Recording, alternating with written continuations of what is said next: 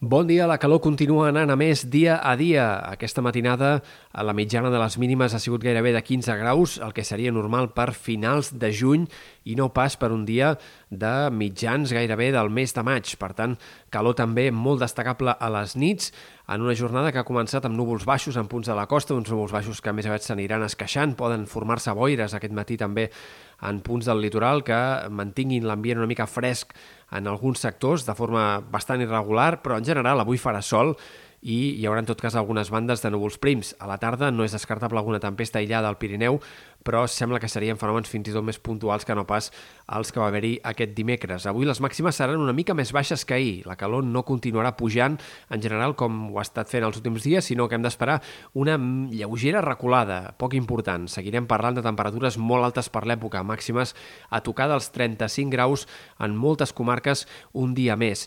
Demà es mantindrà més o menys el termòmetre i al cap de setmana el pic definitiu d'aquesta situació de calor forta que ens està afectant des de fa alguns dies. Dissabte pujarà una mica més el termòmetre i diumenge és clarament quan arribaran les màximes més altes d'aquest episodi. Temperatures que poden ser encara entre 2 i 5 graus més altes que no pas les d'avui. Per tant, ens situem en un context en què si ahir ja es van superar 8 rècords del mes de maig d'estacions del Meteocat, diumenge en cauran molts. Diumenge hi haurà màximes de fins a 40 graus, això confirmen els models de previsió avui en sectors de Ponent i temperatures que superaran els 35 en moltes comarques, no només de Ponent, sinó de la Catalunya central i fins i tot sectors del prelitoral, màximes per sobre dels 30 a la costa. Per tant, situació de calor realment estranya per ser el mes de maig i que serà probablement inèdita. Pel que fa a l'estat del cel, hem d'esperar que els pròxims dies segueixi aquest temps amb sol, amb núvols prims, amb aquesta pols en suspensió que enrareix també el cel, nuvolades de tarda però més aviat ruixats aïllats, en tot cas els que puguin aparèixer durant els pròxims dies